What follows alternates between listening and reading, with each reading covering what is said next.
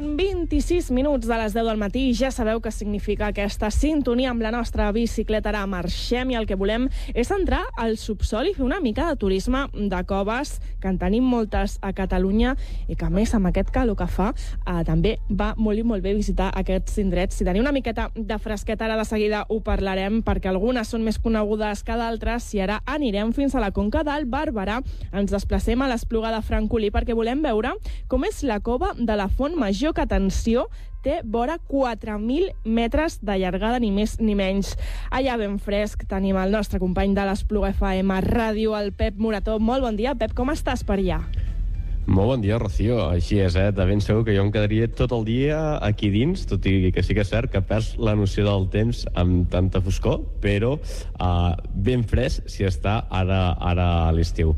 Abans de saber quina temperatura ens trobem, deixa'm presentar-te el Roger Milà, mm -hmm. que és el guia de les coves de l'Espluga. Roger, molt bon dia i benvingut a l'Obert per Vacances. Hola, bon dia. Ho dèiem, eh? Aquí ens hi trobem molt bé. A quina temperatura estem? Bé, doncs estem a una mitjana d'uns 15 graus.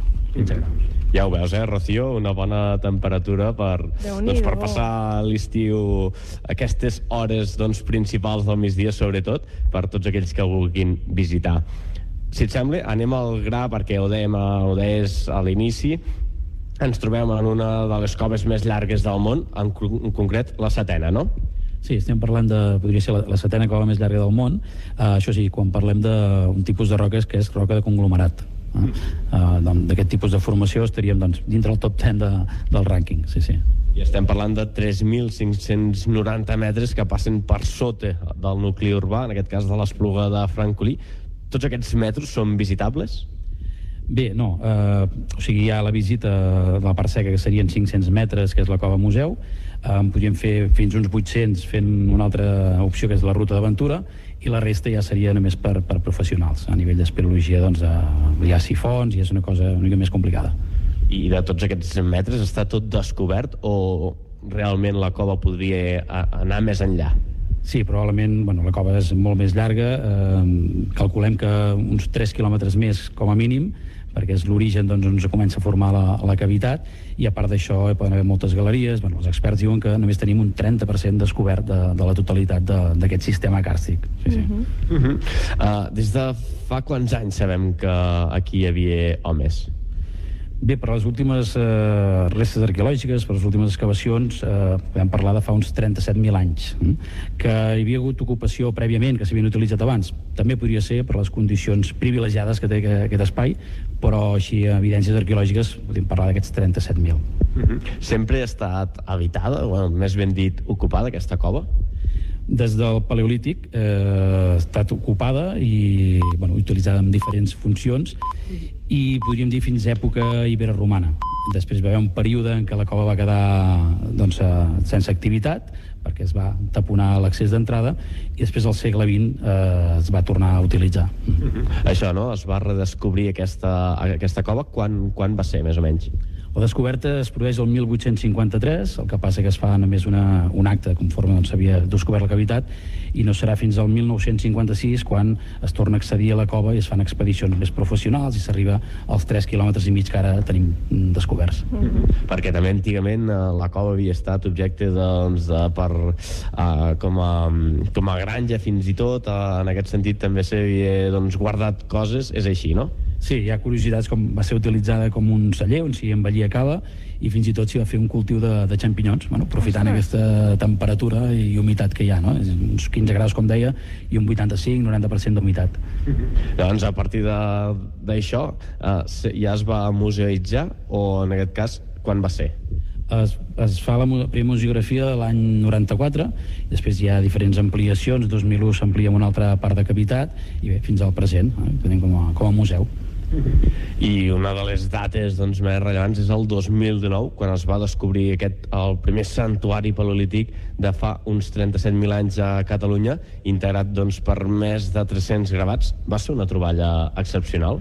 Sí, sí, es pot considerar una troballa això excepcional perquè és, és única en la zona i bé, ens, ens situa una mica en el mapa no? pel que fa a jaciments arqueològics i, i art rupestre. Mm -hmm. Què s'hi pot trobar dins aquest, en aquest cas, en aquests gravats, en aquestes galeries? Doncs eh, són, un, això com has dit tu, uns, uns 300 gravats, un 40% seria d'art figuratiu, o sigui, dibuixos d'animals, sobretot cèrvols i cavalls, i la resta art abstracte, símbols, signes, que hauríem de mirar doncs, a què, es volien, què, què volien representar, no? que és, és, és el, el gran, la gran recerca. No? I són visitables aquests gravats? No, per desgràcia no es, posen, no es poden visitar, però el lloc on estan ubicats és un lloc eh, molt reduït d'espai i són molt, molt delicats. Llavors eh, s'han de mirar de conservar-los i només hi entren els investigadors en aquests moments. Uh -huh. uh, per tots aquells que siguin més valents, el que sí que poden fer és entrar més cap dins de, de la cova i, i en aquest cas fer la, la ruta d'aventura.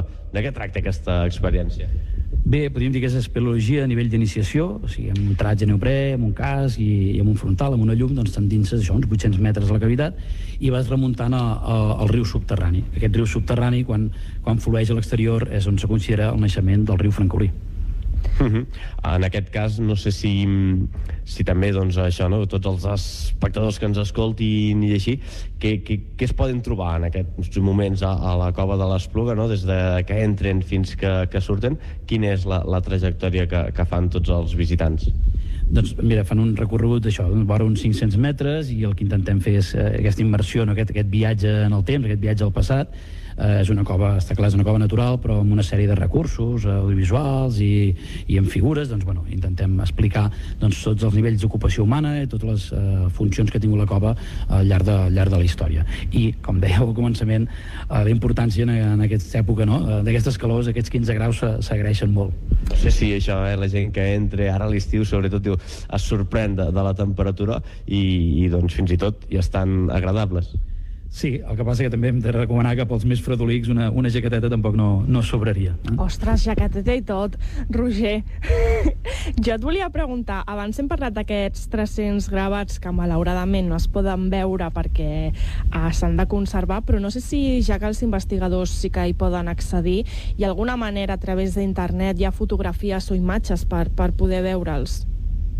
Eh, bé, de moment no encara, s'està treballant amb això. Bé, durant la, la visita a la part seca del museu sí que tenim algun audiovisual on hi ha imatges que, que, bueno, que, que ensenyem la, algunes d'aquestes galeries i els gravats més representatius.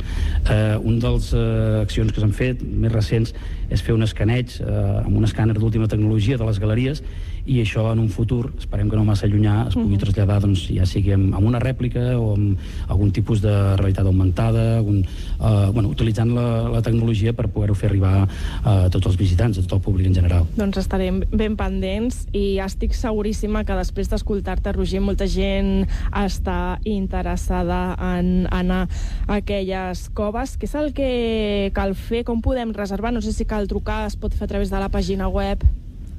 Sí, a través de la pàgina web es, es pot fer la compra de l'entrada, fem bueno, això, reserves online, i també el, eh, doncs el propi dia de la visita es pot anar a recepció a comprar les entrades. Però bueno, recomanem, amb el tema dels aforaments, que es faci, més en aquesta època doncs, tan forta, doncs que es faci la, la reserva online.